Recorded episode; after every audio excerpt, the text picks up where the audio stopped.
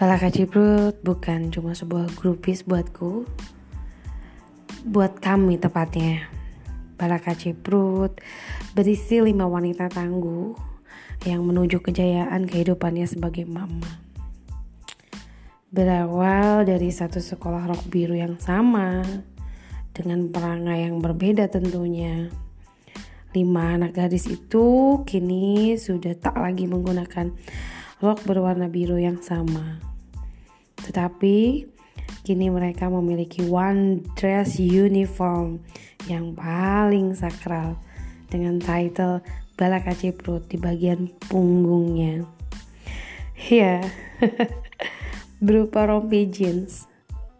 Bayangkan, wanita dengan usia hampir 40 tahun masih dengan style yang trendy ya walaupun sedikit memaksakan diri memang. Tapi itulah mereka. Memiliki lima cinta memiliki lima hmm, perjalanan hidup memiliki lima kekuatan memiliki uh, cara survive yang berbeda. Di antara jatuh bangunnya hiruk pikuknya hidup di dunia ini yang pastinya Indonesia.